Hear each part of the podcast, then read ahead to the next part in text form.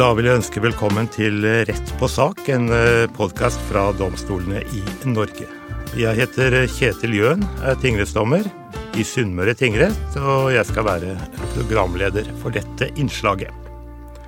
I dag skal vi ta opp et tema jeg mener er svært viktig, nemlig om det har blitt altfor dyrt å føre en sak for retten. Har vi fått et rettssystem som bare er et tilbud til de pengesterke? Vi har jo hørt om saker der en sitter igjen med en kjemperegning til advokatene på flere hundre tusen etter en krangel om trær eller hekk mellom to naboeiendommer. Og vi har hørt om folk som ikke har råd til å følge opp helt grunnleggende rettigheter, som samvær eller kontakt med egne barn. Så spørsmålet er har det blitt altfor stor forskjell mellom det å ha rett og det å få rett i dagens Domstol-Norge. Med oss i dag har vi eh, to dommere for å snakke om eh, disse problemstillingene. Jeg ønsker velkommen til deg, tingrettsdommer Gisle Jonsson. Takk. Og vi har eh, lagdommer Rune Bård Hansen til stede. Velkommen. Takk skal du ha. Jeg går rett på sak, Gisle. Er det en risikosport å føre en sak for domstolene? Så om ikke det er en risikosport, så er det i hvert fall eh, forbundet med eh, ganske stor usikkerhet om eh, utfallet eh, dersom man først bringer en sak inn for domstolene. Og det, man har ingen, ingen garanti for, eh, for, utfallet av en sak. og eh, er det slik at man eventuelt taper en sak man da har brakt inn, så vil jo på en måte hovedregelen være at man skal ikke bare dekke egne kostnader man har hatt med saken, men også de kostnadene som motparten har hatt. Og eh, som du var inne på litt innledningsvis, så kan jo det beløpe seg til ganske store kostnader etter hvert. Eh, domstolene de behandler jo mange forskjellige saker. Både saker mellom eh, selskaper og store parter, og, men også da eh, enkeltpersoner. Og det vi kanskje skal snakke om i dette tilfellet, er jo sakene for, eh, for enkeltpersoner, altså i form av nabotvister og arvetvister og mange av de mer tradisjonelle sakene vi behandler. Ja, jeg holder foreløpig fokus på vanlige folk. Eh, Rune Bård, hva kan dommerne gjøre for at det skal bli økonomisk levelig, økonomisk mulig, å føre en sak? Nei, det beste dommerne kan gjøre, er jo egentlig å, å stoppe saken eh, så fort som mulig, for å spissformulere det litt. Eh, det er jo slik at når det er innlevert stevning, altså når noen har bedt domstolen om å ta opp en sak, da, som er en stevning, så eh, avholdes det alltid et eh, planmøte. Det er et møte hvor man skal diskutere med advokaten og eventuelt med partene opplegget for saken. Og da bør jo eh, dommerne, i den grad det er aktuelt i den enkelte sak, og ofte vil det være det, f.eks. i alle disse sakene hvor man tvistes om, om hovedomsorgsbase, altså bopel for, fast bopel for barn, som typisk eksempel. Da bør alltid dommeren gjøre sitt ytterste for å få forlikt saken på forhånd, altså tilby f.eks. Rettsmegling, altså at partene kan møte for en dommer og, og, diskutere saken og prøve å bli enig før man kommer til, til rettsmøtet. Og Det er også mange andre måter man kan prøve å forhindre at saken blir for lang og for kostbar.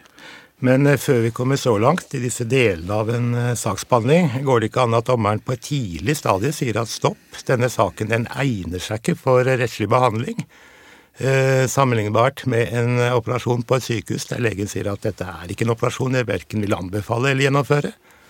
Jeg tenker at det er, eh, det er på et viktig perspektiv her at det er partene som eier saken. Det er ikke dommeren som eier saken. og eh, Gå inn til domstolen, da er, det, det, er det partene som bringer inn, og det er de som har eh, ja, det vi kaller da rådighet over saken. Det er de som bestemmer over saken. Men det på en måte vi dommere ofte vil prøve, er jo på en måte prøve å i hvert fall eh, kanskje hinter frampå eh, i forhold til eh, hvordan man på en måte Omfanget av saken. Eh, om vi kan prøve å, å spisse saken for å, for å gjøre den eh, ja, mindre og mer tilpasset de problemstillinger som, som faktisk skal, vi skal behandle. Ja, Det er jo interessant, fordi at vi vet at uh, saker om små problemstillinger kan bli langvarige, omfattende. Så spørsmålet er har partene med sin frie rådighet over saken rett til å føre de vitnene de vil, bruke den tiden de vil?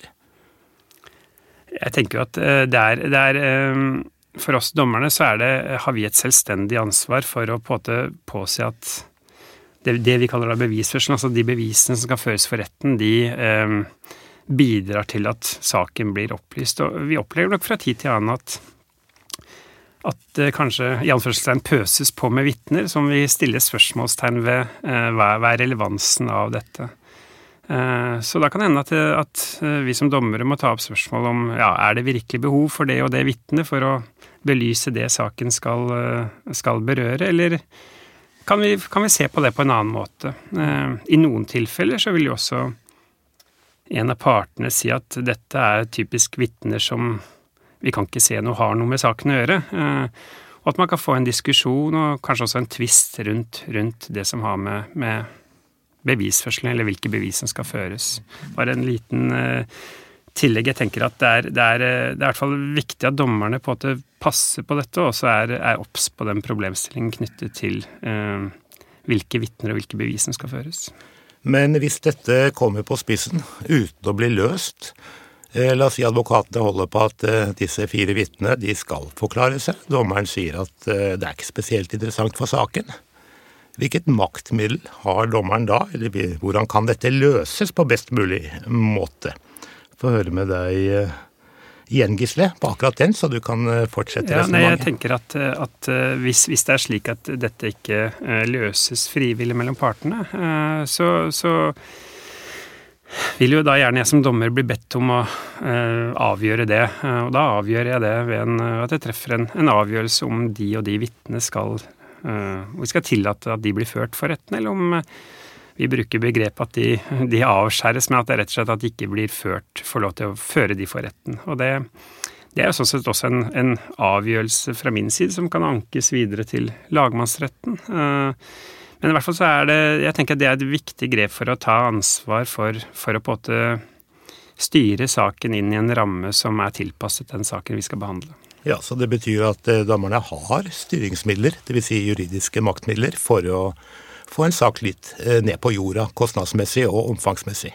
Ja, jeg tenker i aller høyeste grad, og det er også egentlig en plikt vi har som dommere. Eh, det er å drive det vi kaller en, en, aktiv fremdrift. Når saken først er kommet inn til oss, så har vi en plikt og et ansvar for å eh, drive saken frem, og på en måte tilpasse den ut fra kostnadene kostnaden i saken. Og jeg syns kanskje at jeg eh, i flere og flere saker ser at at sakskostnad og omfanget av sakene øker i saker som, som i aller høyeste grad burde eh, behandles eh, på en, på en, enklere måte. Bl.a. blant annet i en del um, tvister om økonomiske oppgjør etter samlivsbrudd og skilsmisse, så syns jeg Og der er det for så vidt mange, mange, ulike problemstillinger i disse sakene, men, men, men erfaringen er kanskje at man i mange saker opplever at sakene blir så omfangsrike at det man egentlig tvister om, den summen man tvister om, spises opp av Eh, kostnadene eh, mm. i saken. Jeg spiller ballen tilbake til Lune Bård på det. Eh, to problemstillinger oppi dette. Det ene er omfanget av saken vi har snakket litt om. Det andre er jo kostnadene med advokaten, altså salærregningen, kanskje timeprisen. Har dommerne muligheten til å sette ned en salærregning, et salærkrav, en mener er langt utpå viddene høyt? Ja da, vi har mulighet til å sette ned salæret eh, da etter protest fra den annen part. Altså, sakene avsluttes jo ved at salæroppgavene skal legges fram. Jeg har aldri misunt advokater som må regne ut sin egen lønn der og da mens dommerne venter, men, men sånn er systemet. Det skal fremlegges når saken er avsluttet i retten. Og Da kan jo motparten med en gang protestere hvis han eller hun mener at dette er altfor mye. Og, og, da vil det bli protokollert, og så vil det bli vurdert av, eh, av, retten. Eh, det er faktisk også slik, og det er en mulighet som ikke så ofte blir brukt, og jeg tror kanskje mange ikke kjenner til, eh, men retten kan informere en part også at, at man kan be retten innen en måned etter saken fastsette sin egen prosessfullmektigs salær, slik at hvis man mener at egen advokat har kommet med et ublutt krav om betaling, så kan man faktisk få retten til å vurdere det. Det er jo ikke gitt at det blir satt ned, men kan i hvert fall få en, en, en dommer som da vurderer riktigheten av, av salæret. Nå Nå skal jeg ikke si at alle advokater har et ublutt salær. Altså, det er jo mye morsomme advokatvitser i og for seg, og det fins grelle eksempler. Men de fleste advokater jobber jo samvittighetsfullt og får betaling for den tjeneste de gjør på en fornuftig måte. Og denne offentlige salærsatsen, som vel nå er 1040 kroner, som man altså får i de sakene hvor man Eh, får finansiert dette gjennom det offentlige, altså rettshjelpsordningen, det er ingen høy sats. altså Det er vel de aller fleste, både advokater og andre i dag, enige om. Så man må nyansere litt her. Noen advokater er grådige og ublu, men de aller fleste er jo selvsagt ikke det. Du brakte inn et tema som jeg slett ikke tror alle lyttere er eh, godt nok kjent med, nemlig fri sakførsel, salærsatser. Dette å få hjelp av det offentlige til å føre sin egen sak. Gisle, hva er eh, kort sagt eh, reglene for dette? Kort sagt så er, så er reglene at i et visst antall typer saker så har du krav på at det offentlige dekker kostnad til advokat for deg. Det kan typisk være fremme erstatningskrav etter at man har vært utsatt for en uberettiget straffeforfølgning, og en del type andre saker. Og så har du en, en type saks, sakstyper som hvor man kan få innvilget det vi kaller fri rettshjelp etter eh, en vurdering av eh, partens økonomi. Det kan være typisk personskadesaker, altså vært utsatt for en personskade av en eller annen karakter, eh, arbeidstvister, man har mistet jobben eller blitt avskjediget, husleiesaker og det som også f.eks. er familiesaker Eh, oppgjør etter eh, samlivsbrudd, eh, foreldretvister, altså tvister om fordeling av fast bosted og samvær med barn. Og Der er det slik at grensen for å få såkalt fri rettshjelp er da en, en brutto årsinntekt på 246 000 hvis man er enslig, eller 369 000 hvis man er gift eller, eller, samboende. Og det er klart at det er jo et eget uh, diskusjonstema, disse økonomiske grensene, og mange vil nok si at den grensen er ja, lav i forhold til, til, kanskje det behovet som er der ute. Sånn at et virkemiddel av flere for at folk skal kunne forfølge sin rett, det er å høyne inntektsgrensen for fri sakførsel? Jeg tror kanskje at det er eh, absolutt et, et virkemiddel. Det er, disse økonomiske grensene de har jo stått stille i, i, ganske mange år, og konsekvensen av det er jo, er jo egentlig at flere og flere faller utenom øh, øh, området da, for, for, fri rettshjelp. Uh, så, så, og dette er kanskje også mm, hvor utgangspunktet i ressursene ikke er store, og, og eh, man da vil på en måte måtte ja, eventuelt se etter bistand på annet behov og dekke det. Og det er klart det kan bli veldig krevende. Hmm. Men uh, Rune Bård, det er jo ikke noe mål i seg selv at uh, flest mulig i Norge skal føre enhver sak de ønsker for en domstol på statens økonomiske bekostning. Det bør jo være grenser og kvalitetskrav i forhold til saken? Ja, absolutt. Ulempen altså nå er jo denne inntektsgrensen for eh, fri rettshjelp den er jo ja, jeg tror faktisk den er lavere enn minste uføretrygd. Og det er klart at Da eh, blir det jo ofte illusorisk for mange. Særlig er det uheldig kanskje i saker som gjelder så viktige ting som hvor barnet skal bo. At den ene av foreldrene akkurat går under grensen og får håper eh, å si, ikke ubegrenset, men betydelig støtte til dette. Eh, mens den andre må betale alt selv. og det er klart at Da er ikke equality of arms, eller like muligheter, som vi gjerne sier, og som jo er et slags mål i, i jussen, at eh, partene skal ha like muligheter. Mm. Men eh, at det må være begrensninger, det er helt klart. Mm. Ja, Gisle? Jeg tenker også, det er jo også, I tillegg til dette med, med fri rettshjelp som dekket av det offentlige, så er det vel også mange som har på en måte muligheter for å få dekket sakskostnadene, eller i hvert fall deler av det, gjennom forsikringsordning, altså rettshjelpsforsikringer. Eh, det er jo typisk eh, hvis det er en sak knyttet til boligen din, så vil du gjerne ha en sånn type rettshjelpsforsikring innenfor boligforsikringen. Så, så, så, det er også på en måte, hva skal jeg si, mer avtalebaserte rettshjelpsordninger man på en måte kan gjøre nytte av, da. Hmm. Eh, jeg går over til et nytt uh, emne, for å si det sånn, men innen samme tema. Uh, vi vet jo at rettsmegling har vært et virkemiddel som både advokater, dommere og forhåpentligvis de fleste parter også er fornøyd med. Rune Bård, rettsmegling, hva er det, og hvilke mål er det en har for en rettsmegling? Nei, Målet er jo at partene kommer til eh, enighet. og Det er jo en spesielt eh, kurset dommer som foretar denne rettsmeglingen. og Advokater er, er, ofte med. Der vil jo også ligge noen kostnader, men det blir jo bagatellmessig i forhold til en, en rettssak. Eh, I tillegg til at det kan spares store beløp i saksprosessen på dette for, for partene, så er jo også en megling. ikke sant? Da er man jo herre over avgjørelsen selv langt på vei. og Det blir jo en slags enighet her. Eh, og Det legger jo grunnlaget ofte for et mye bedre forhold mellom partene etterpå. Her er det jo ofte parter som må se hverandre daglig, som foreldre, naboer, sameiere og, og slikt. Så, så, får man til en, eh, en, meglingsløsning, så vil jo det nesten alltid være det beste. Her vil jeg også slå et slag faktisk for noe som få kjenner til, nemlig at konfliktrådene også kan megle. Det er en enkel løsning. Det er eh, gratis. Og eh, konfliktrådsloven Mange tenker på konfliktråd som stort sett megling mellom offer og gjerningsperson i kriminalsaker, men det er også et tilbud til sivile tvister. Konfliktrådsloven har ingen begrensninger der. Så, så dette er en ukjent eh, mulighet som jeg tror flere kanskje burde benytte seg av. Jeg tenker jo I forhold til dette med, med rettsmekling, så er det jo et, også et ganske viktig poeng at du som part både får løst tvisten din der og da. Eh, du slipper usikkerhet med å få vente på hovedhandling og en dom, og kanskje også en anke og en ny runde. Slik at eh, både tidsmessig og på en økonomisk så er det eh, veldig mye for, for partene å spare på, på det å forsøke rettsmekling. Og erfaringen, eh, i hvert fall min som, som rettsmekler i mange saker, er jo at eh, man prøver å få Man får til mange gode løsninger. Eh, og så er, går sånn Partene går sånn middels skuffa ut derfra når vi er ferdig, men kanskje etter et par dager så er de faktisk fornøyd med å få løst tvisten. Og det, det er en litt sånn gjennomgående erfaring i disse ja. rettsmeklingene.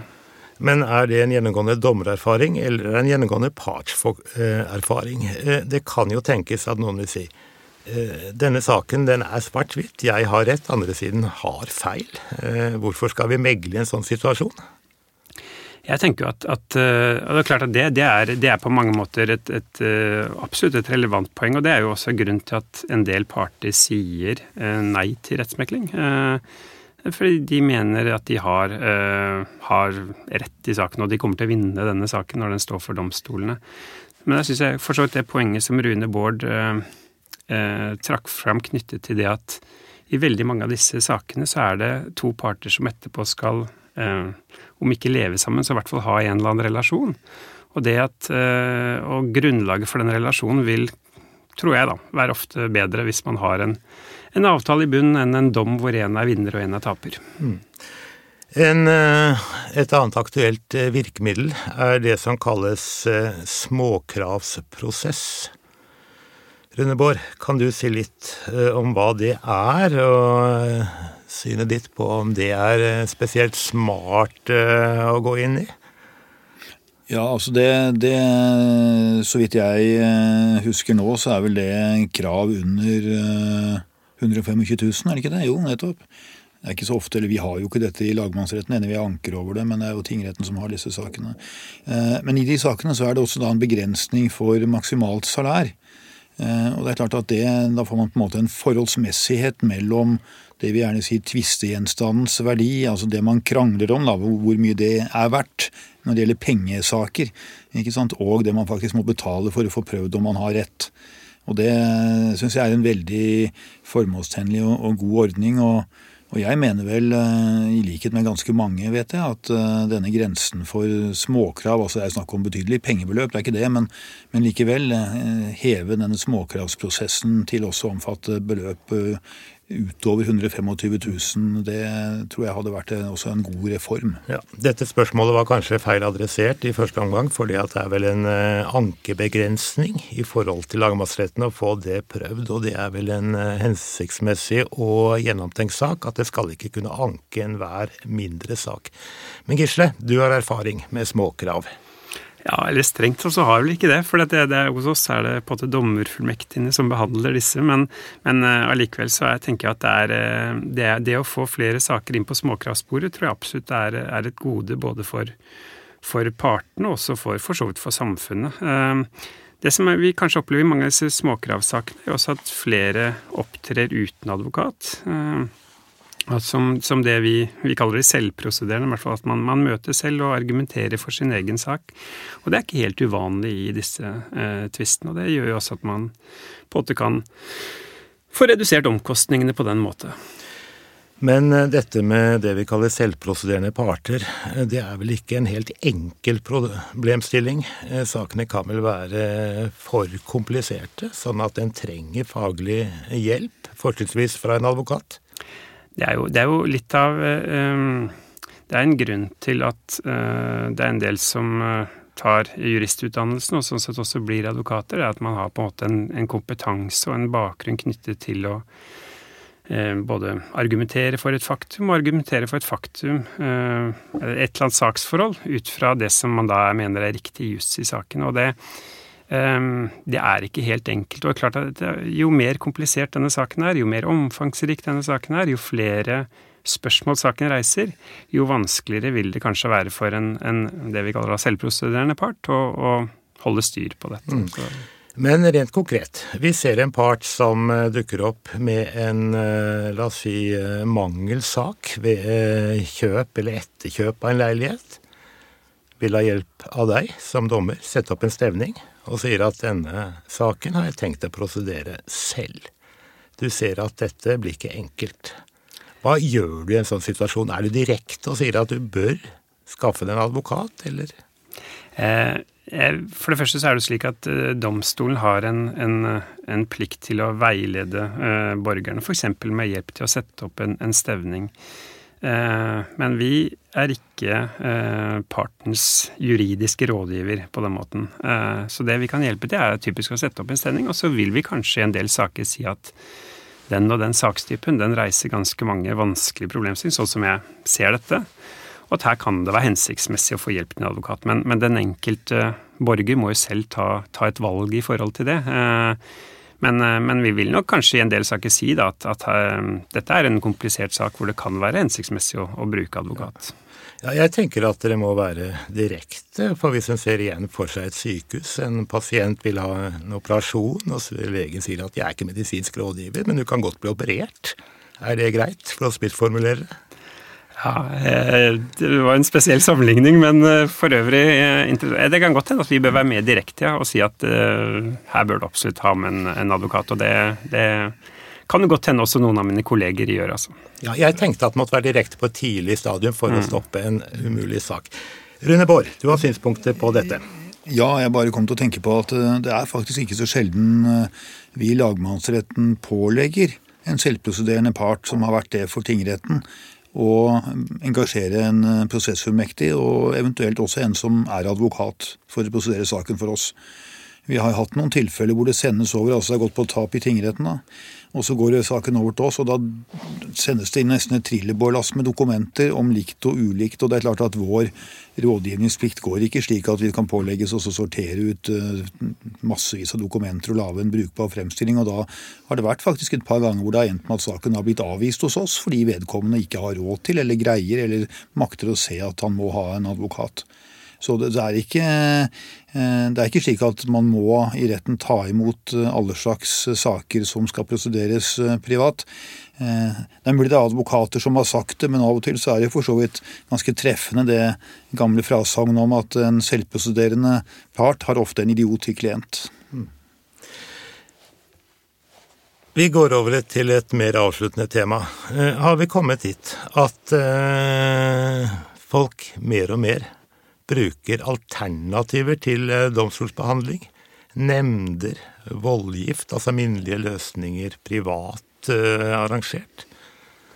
Hva tenker du om det? Ja, nei, eh, det er både. Det, det, man har sett en utvikling på, er jo at uh, Stortinget har etter hvert opprettet uh, veldig mange forskjellige nemnder på ulike områder av, av, av ulike av livets områder. Og klart at det har gjort at flere og flere av det, de spørsmål som tradisjonelt har vært behandlet av domstolen, behandles nå av en, en, nemnd, og kanskje på en billigere måte, og kanskje også på en raskere måte.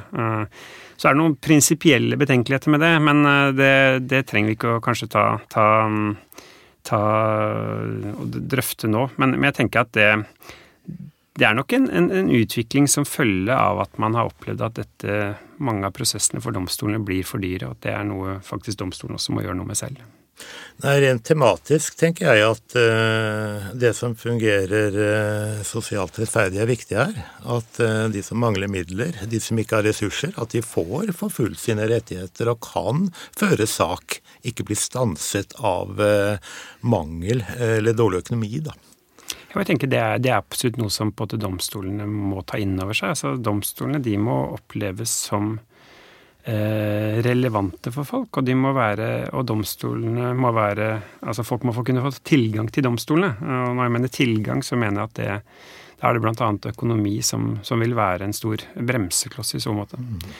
Rune Bård, du eh, har erfaring fra nemnder eller alternative konfliktløsninger, du òg dine synspunkter på utviklingen der?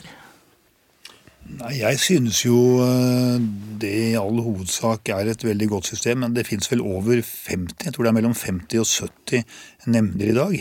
Og Jeg vet ikke navnet på halvparten selv engang, men jeg vet jo en del sentrale. Du har f.eks. Finansklagenemnda. Det har jo tvister som ikke sant, en forbruker blir frastjålet sitt bankkort i utlandet. Eh, så blir det brukt, og banken sier at det kan ikke være brukt uten at de har koden. Du har vært slumste med koden.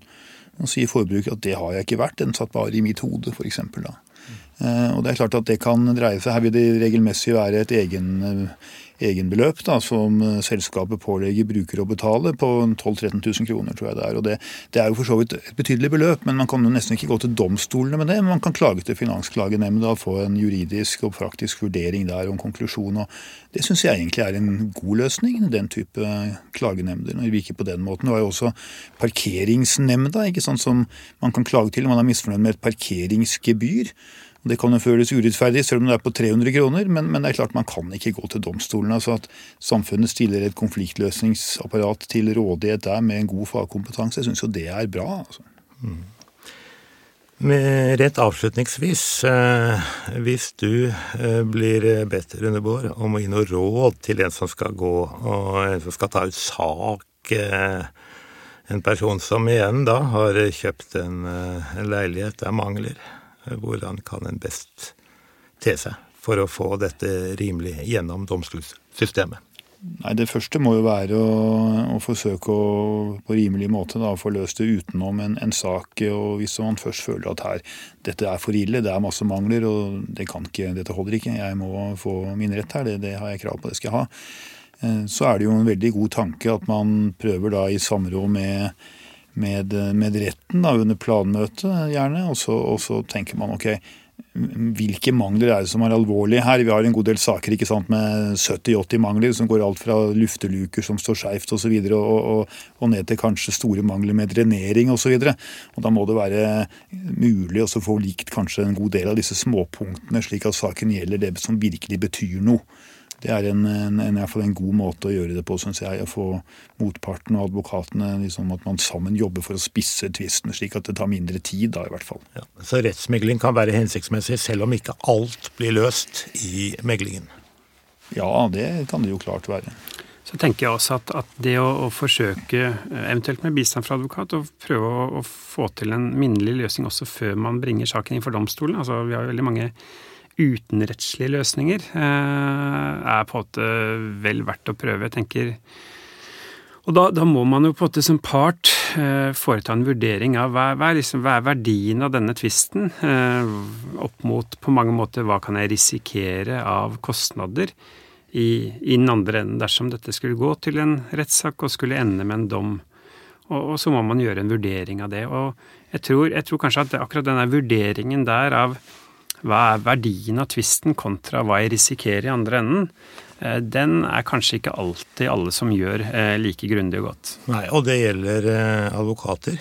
Vi ser jo, mener jeg, at det som ble innført med tvisteloven i sin tid, dette prosessvarselet, altså varsel på forhånd om at en skal ta ut et søksmål, så kan det lett bli en passiv periode mellom advokatene frem til søksmålet plutselig er en realitet. Så jeg tenker at det er en periode hvor en egentlig bør jobbe aktivt for å unngå søksmålet, framfor å megle et stykke ute i søksmålet etter at det er anlagt. Mm, jeg er enig i det.